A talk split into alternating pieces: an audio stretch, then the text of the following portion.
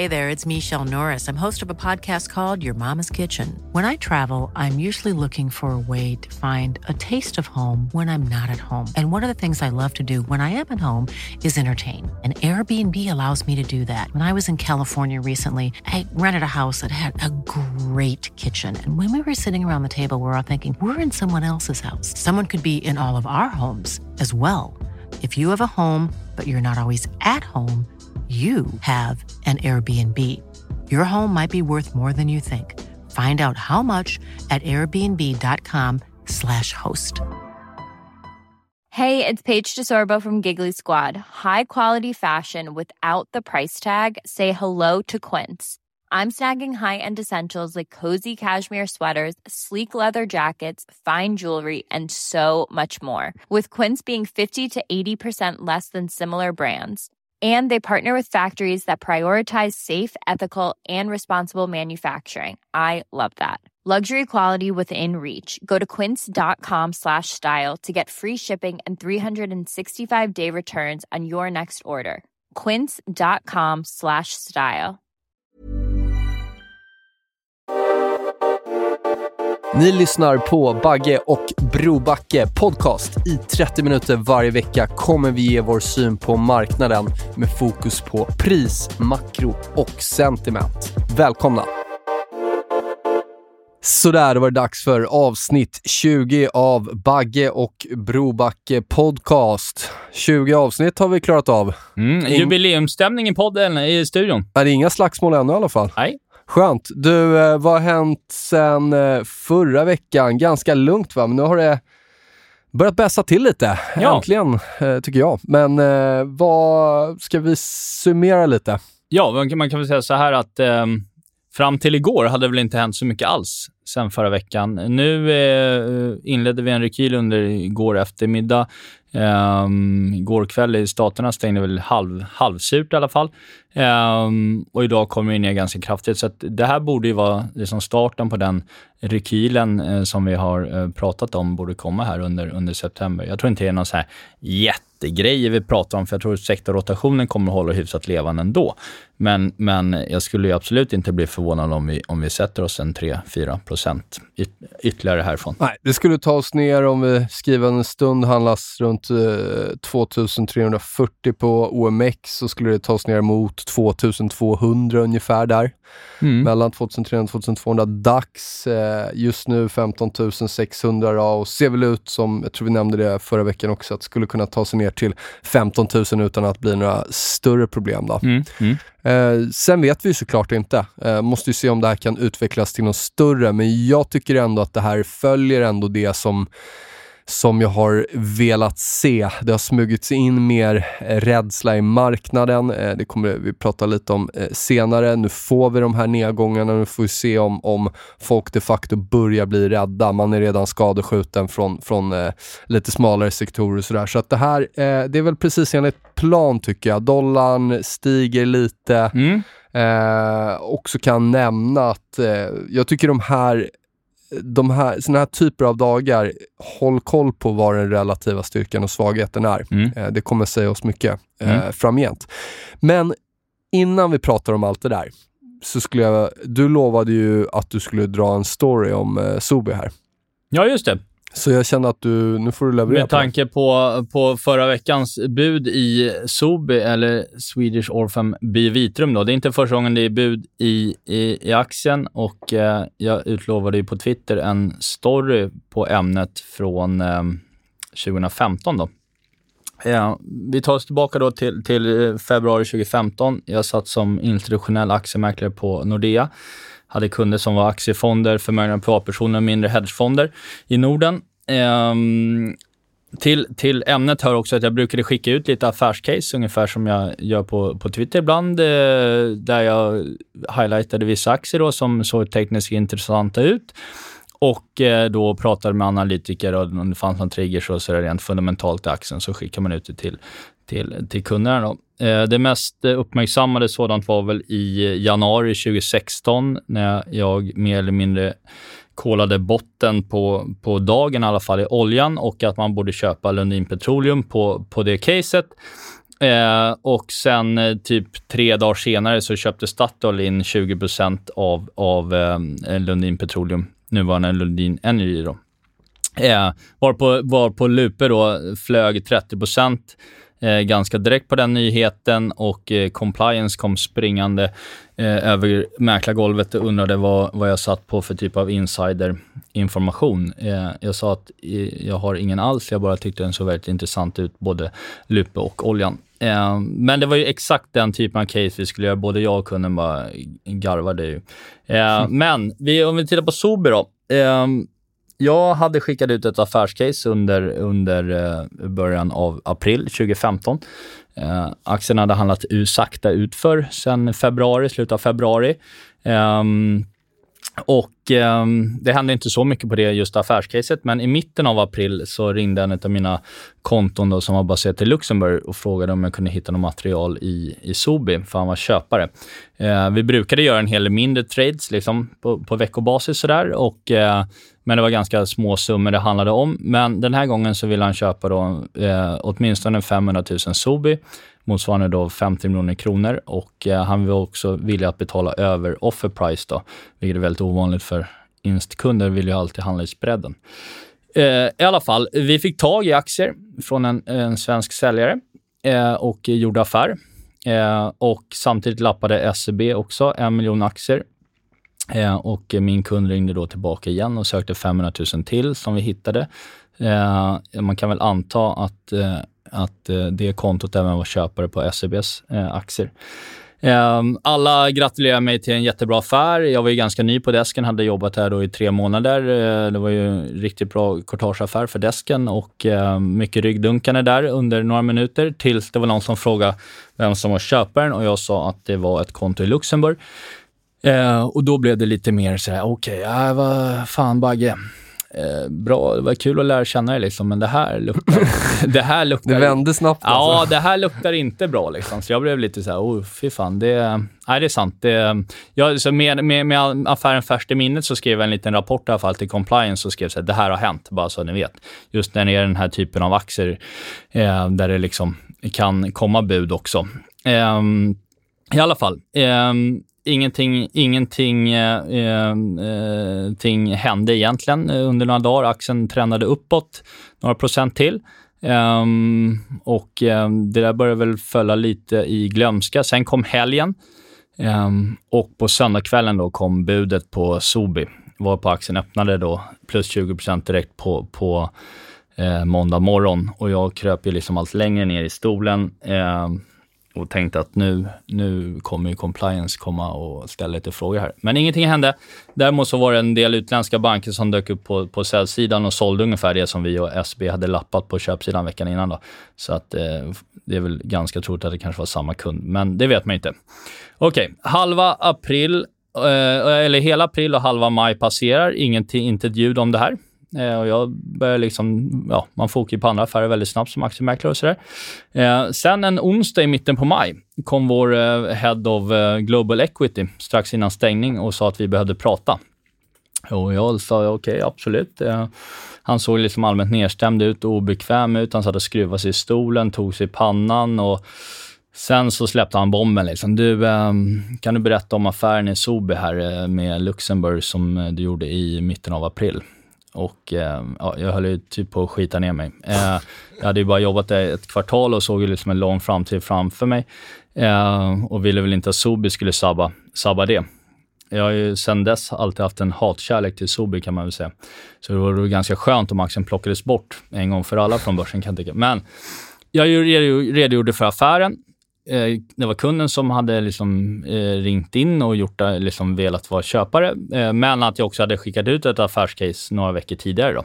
Men, men det var, inte, det var egentligen inte på det han handlade. Då. Um, och att jag också hade berättat allt eller skrivit ner det i compliance. Och han sa det att ja, det var just det där att mejla compliance. Det får ju en att väcka miss, liksom misstankar om att, eh, om att du kände att du behövde liksom, ja, skriva av det eller skylla ifrån dig och sådär. Jag, jag, eh, jag tyckte väl att, liksom, att jag hade gjort rätt där. Men, eh, och sen frågade när jag senast hade pratat med, med, med kunden och då sa jag att det var den morgonen. Och Sen berättade han att, vet du varför du inte har pratat med kunden sedan dess? För han har suttit hos finanspolisen i Lux hela dagen och blivit förhörd om den, om den här affären och skyller allt på dig. Att det var du som initierade affären och han bara följde eh, ditt råd. Då. Eh, och eh, så jag sa att allt fanns på band och lina, eh, eller om det var i Bloomberg-chatten, men att det fanns nedskrivet. Och då sa han att eh, ja, det är nog bäst för dig det. Eh, och eh, Bagge, du är en bra kille. Jag håller alltid anställda bakom ryggen, men när sånt här liksom när ni håller på med skumraskaffärer, då, då kan jag inte skydda er, utan då är ni, då är ni out eh, direkt. Då. Och förhoppningsvis så i så fall blir det inte fängelse och massa böter. Och jag kände ju liksom så här, shit. Men du visste väl att du inte hade gjort något fel ändå? Nej, men man blir ändå lite knäsvag liksom när, när man är hyfsat ny också liksom på, på, på, på jobbet sådär. Och mm. eh, bland, var ju yngsta, yngsta mäklaren i, i, i rummet. I alla fall. Eh, enligt, enligt eh, han då, eh, Luxemburg-kontot hade då sålt in den storyn till, till Finansinspektionen i Lux och de hade köpt den. Och eh, nu så eh, är det upp till dig att eh, träffa Finansinspektionen här i Sverige. De sitter i ett rum här nere och väntar på dig. Du ska ha möte om fem minuter och eh, det blir helt enkelt upp till dig att eh, bevisa att du är, är oskyldig, där, för de har helt gått på Luxemburgs spår. Och jag känner mig hyfsat knäsvag när jag klev in i hissen och åkte ner till, våning, eh, till mötesrummen och funderade på lite vad jag skulle säga till min fästmö och så vidare. Eh, så kom jag in i mötesrummet i alla fall. Och så är det tomt. Det är till och med nersläckt och jag tänker, att jag måste ha gått till fel mötesrum. Eh, eh, men då rusar liksom hela, alla kollegorna på mäklardesken ut bakom dörren. Och allting var bara ett stort eh, prank för att jag skulle gifta mig två veckor senare.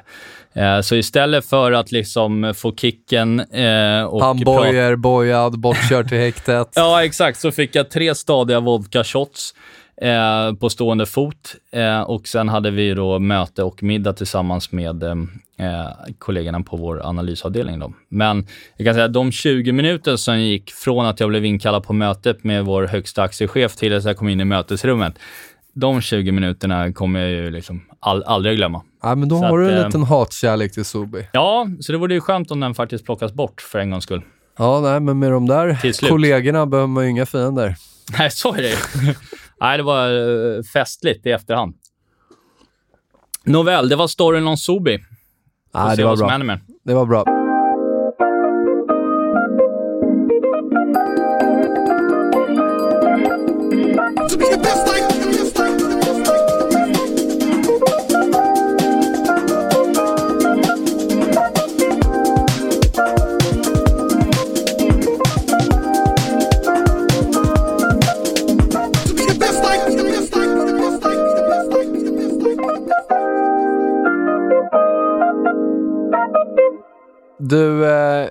Om vi återgår till marknaden då. Ja. Vad, du, vi har plockat med lite punkter. Jag mm. kan ju bara summera något som jag tycker ändå, jag började prata lite om det här i inledningen, den relativa styrkan. Något jag noterar och som ni säkert också ser är att Asien klarar sig mycket bättre i den här bäsen. Mm. Eh, tittar vi på eh, VEU som är hela världen, ex-USA, så ser den faktiskt ut att hålla ihop eh, ganska bra och ser ut att vilja bryta upp på nya högsta.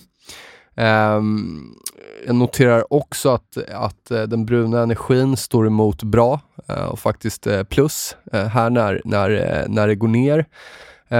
så att vi behöver väl inte måla fan på väggen ännu, utan det här är ju väl någonting vi, vi faktiskt vill se. jag kommer nog ändå Exakt. säga att vi, det har ju varit, så att säga, år som dessa som faktiskt rekylerna har blivit lite större.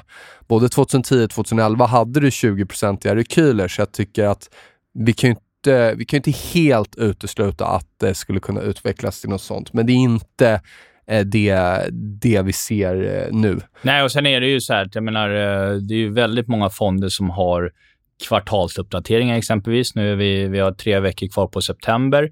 Eh, vi har eh, en eh, stor optionslösen nästa fredag, en quadruple witching då när samtliga både indexterminer, eh, aktieterminer, eh, optioner på både aktier och eh, index då går till lösen samtidigt.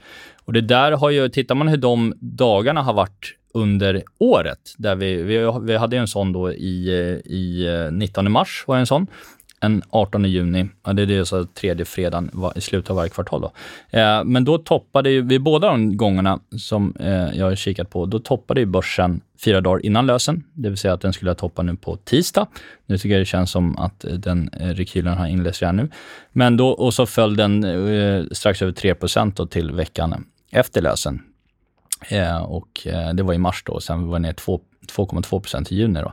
Eh, och då hade vi botten på själva lösenfredagen. Så att vi, jag tror vi står inför en vecka med, med betydligt ökad volla och risk på nedsidan. Och det är egentligen det som vi har laborerat med, inte, inte senast förra podden. Stämmer, stämmer. Så att det kommer ju inte som någon Nej, kortboken... Chock att det, att det liksom kommer ner lite här. Det är det vi har väntat på. mår ju bra igen och eh, VIX-kontrakten eh, mår också ganska bra. Mm. Eh, så det är trevligt. Jag tror, vi pratade lite om det igår i DI-TV, men jag tror faktiskt att att man vill spela de här lite smalare exponeringarna mot breda index. Det mm. var verkligen så här det såg ut förra året med Frontier Markets, eh, small cap, olja, alltså riktiga risk-on-marknader som handlades ganska bra från augusti till eh, oktober medan breda index var ner. Mm.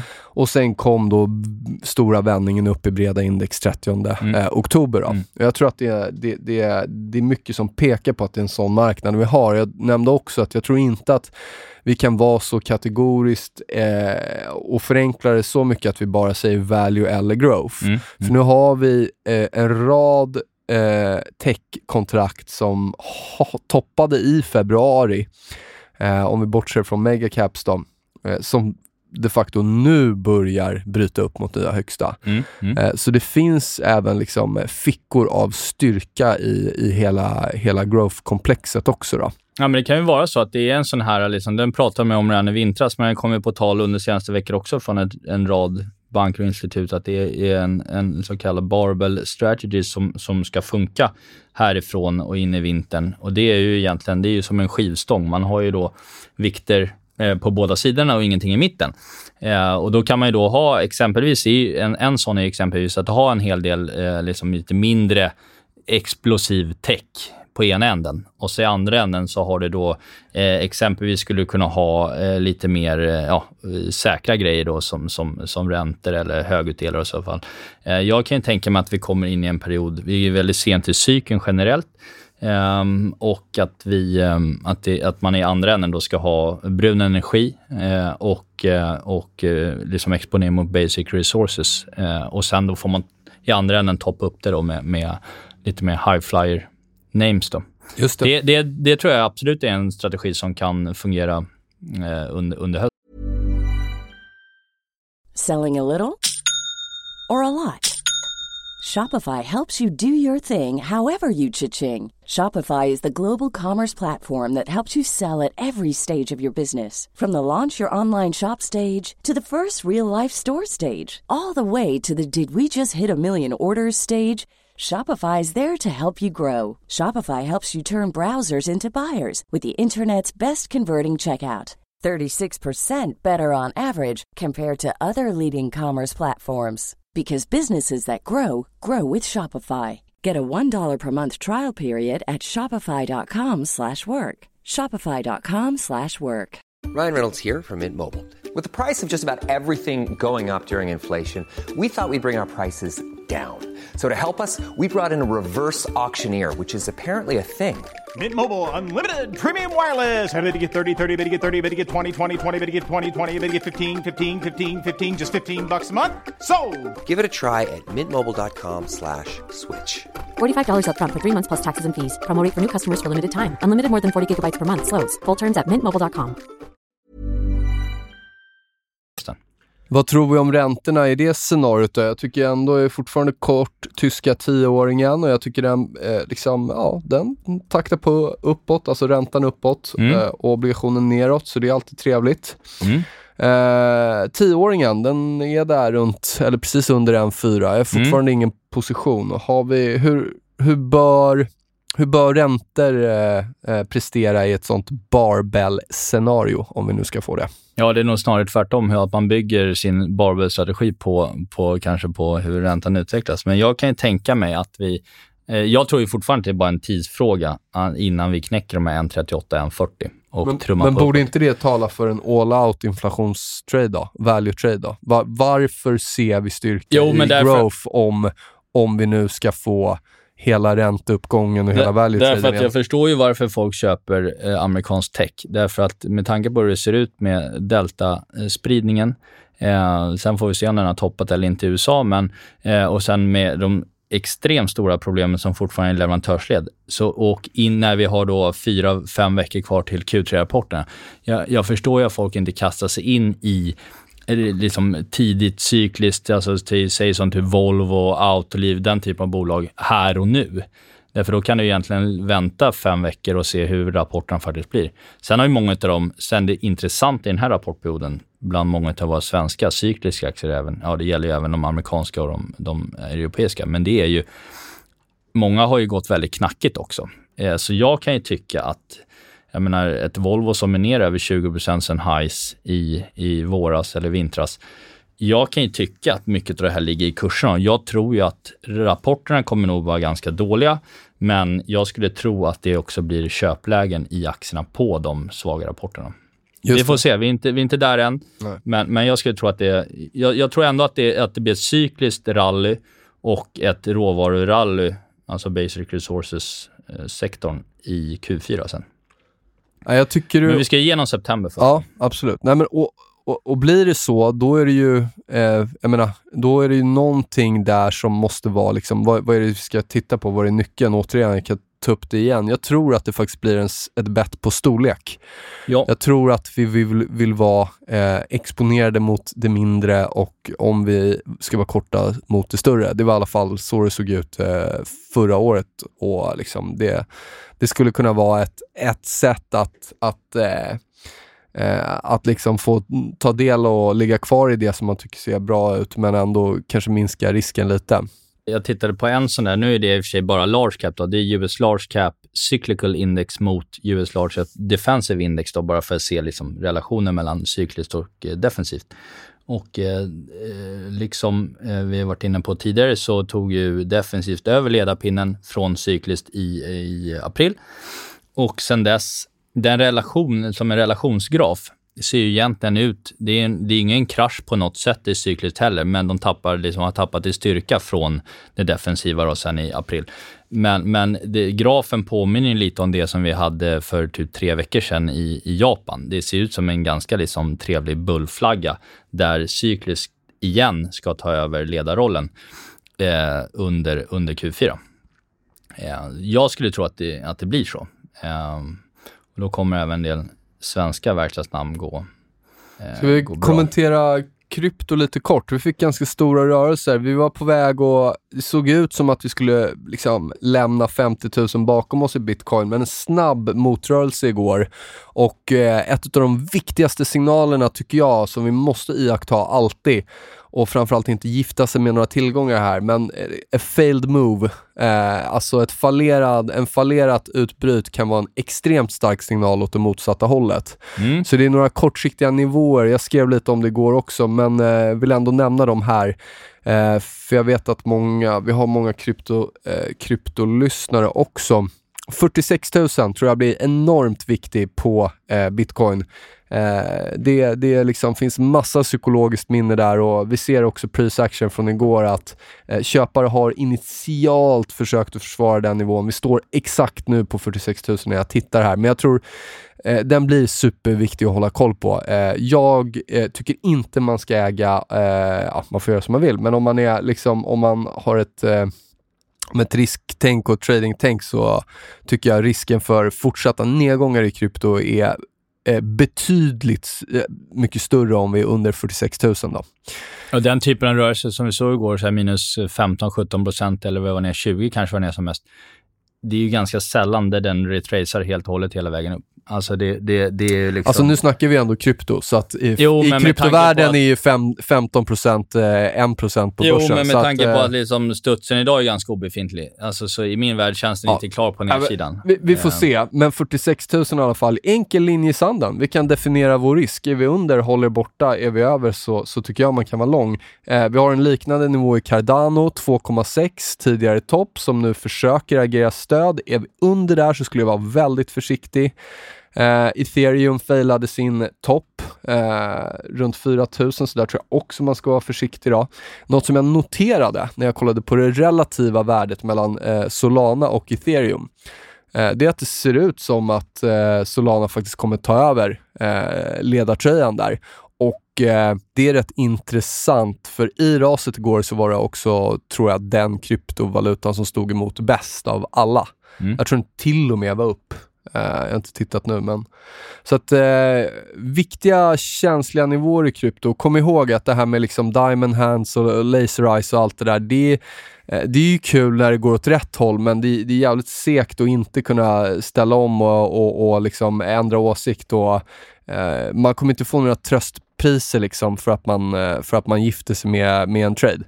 Eh, Så är det ju. det, det såg bra ut för två, tre dagar sedan. Det såg ut som vi skulle bryta upp. Vi gjorde nya högsta i princip alla altcoins. Nu ser det inte lika bra ut. Nej, det var väl ganska mycket stoppassynk igår. Det var, Ja. måste ha wipat många konton där. Det, det kanske blir så att vi stänger den här veckan över 46 000. Liksom, vi kan försvara tidigare toppar, börja agera stöd och så vidare. Men då ser det ju faktiskt eh, helt okej ut igen. Men låt oss vänta och se vad som händer. Mm. Och det är såklart också att oavsett vad krypto är så är det tydligt att det är en, en risk-on trade. Eh, och, eh, sen är det frågan om, om liksom, fick lite fråga, ja, varför säljer du av då? Ja, men är det av börsen av på liksom kryptobäsen? Nej men det går väl inte att säga så heller, men de verkar ju korrelera i alla fall i, hyfsat i samma Det riktning. var liksom. ju en, en tråkig start för El Salvador som ändå liksom introducerade bitcoin som betalmedel igår. Var det, va? Eh, och eh, börjar med minus 15 ställd. Jag vet inte om det... det Jag vet inte hur mycket påverkar det då? nej, men jag, dollar nu vet inte jag hur, exakt hur de här liksom... Eh, deras kryptowallets all ser ut. Men, men Nej, jag ska inte säga ett ord om det där, för jag, jag tittar ju på pris när det gäller krypto och, och priserna just nu indikerar hög risk under 46 000 och, och tidigare, tidigare topparna. Liksom. Men det är kul när det rör sig eh, och då är vi där och handlar. Jag, Exakt. jag var inne och, och, sköt lite från lång, långsidan i, igår. Och schysst att du Ja. tog dotterns stå på. Nej, nej, det var min egen. Ja, det var det. Eh, Men hon satt, hon satt på pottan, så jag passade. Jag hade två minuter där. Ja, det var inte du som var på toan? Nej, Nej, okej. Ja, då- jag satt och väntade på att hon skulle bli klar. Ja, ja. Så det blev några, några fina procent där på, på två minuter. Upp, uppräknat i timintjäning var det grymt. ja spännande. Ehm, jag tycker vi ska nämna någonting om, om sentimentet i marknaden generellt, för det är det jag tycker är egentligen mest intressant. Ehm, ja, Eh, retail driver uppgången generellt i USA. Förra veckan så köpte retail traders eh, exponering i USA för eh, 689 miljoner dollar per dag, eh, vilket är en betydligt starkare än vad man har köpt tidigare. Och det var retail inflow både i, i, eh, i, i tech och i, i S&P och även mycket på derivatbiten.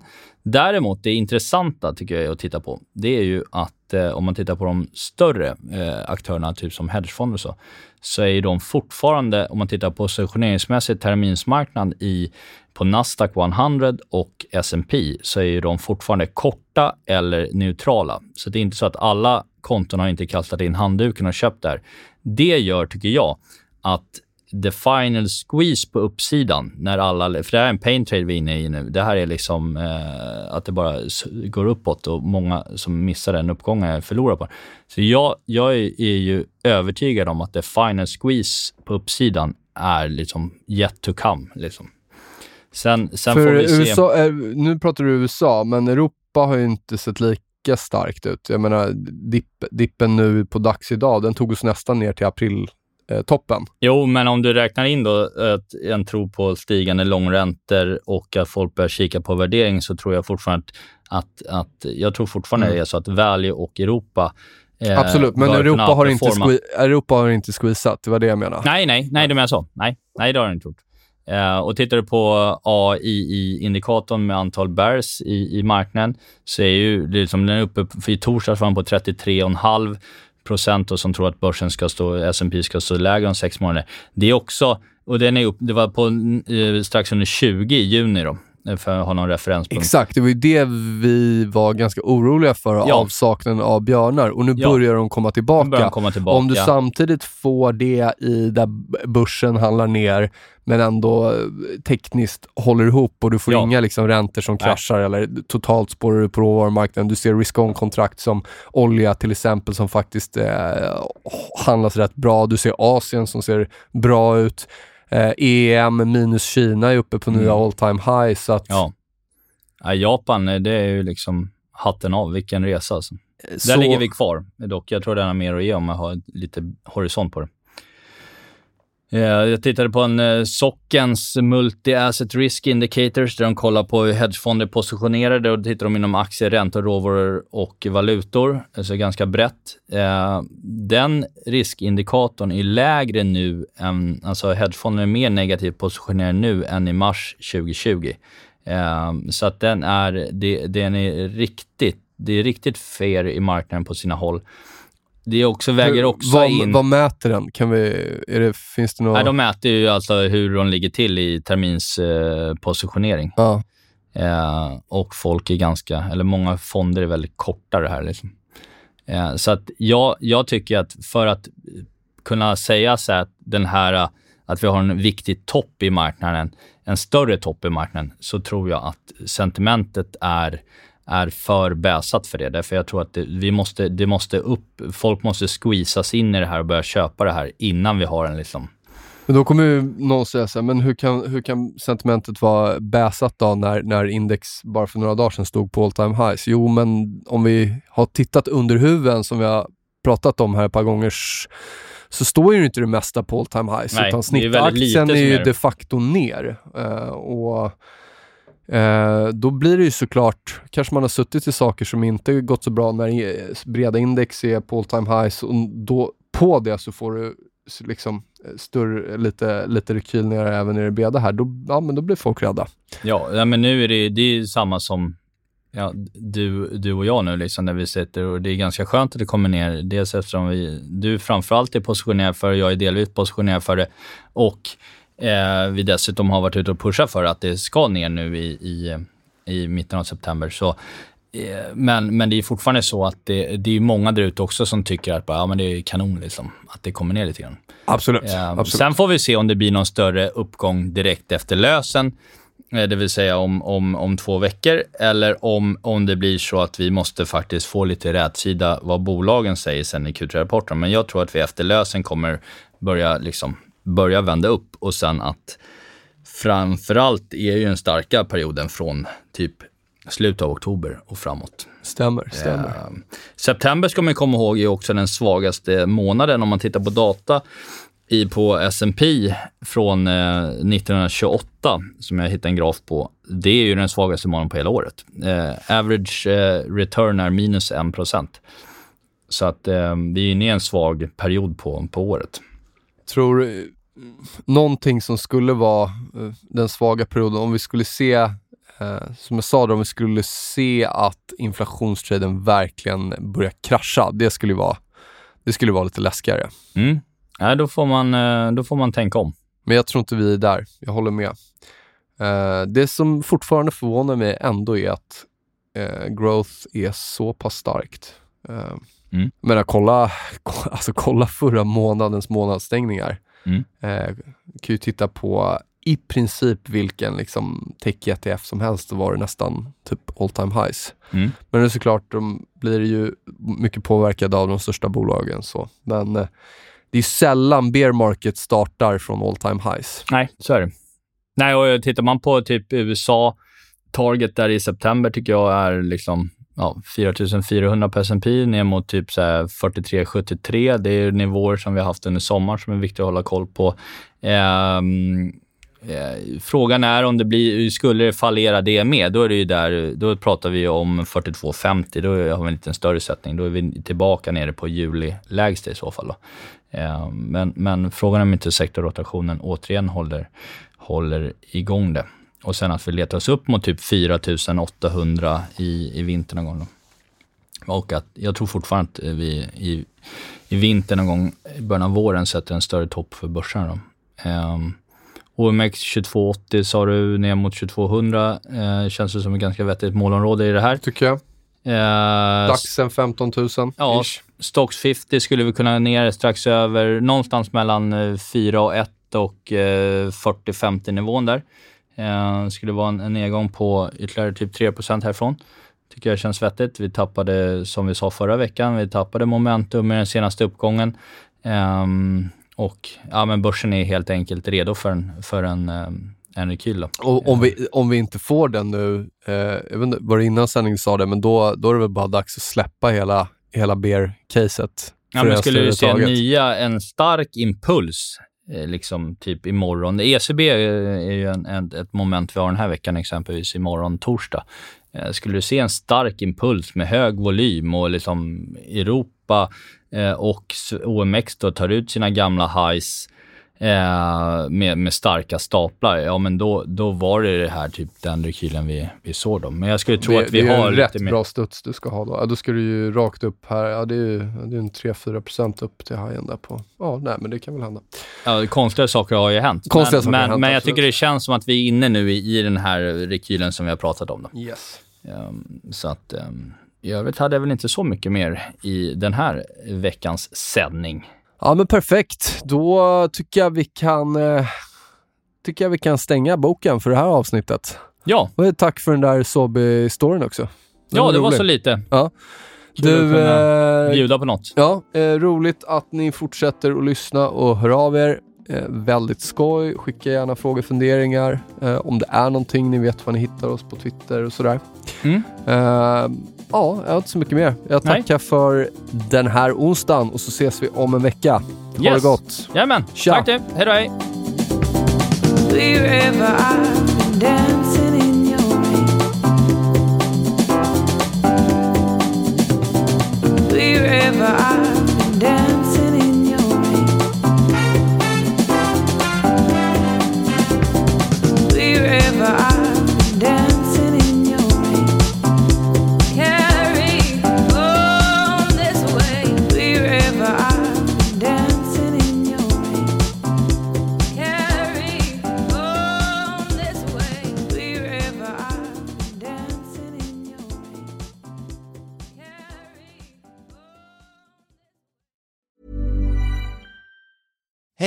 Danny Pellegrino from Everything Iconic.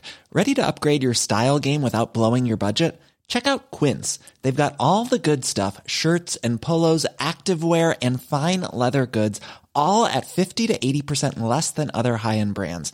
And the best part? They're all about safe, ethical, and responsible manufacturing. Get that luxury vibe without the luxury price tag. Hit up quince.com slash upgrade for free shipping and 365 day returns on your next order. That's quince.com slash upgrade.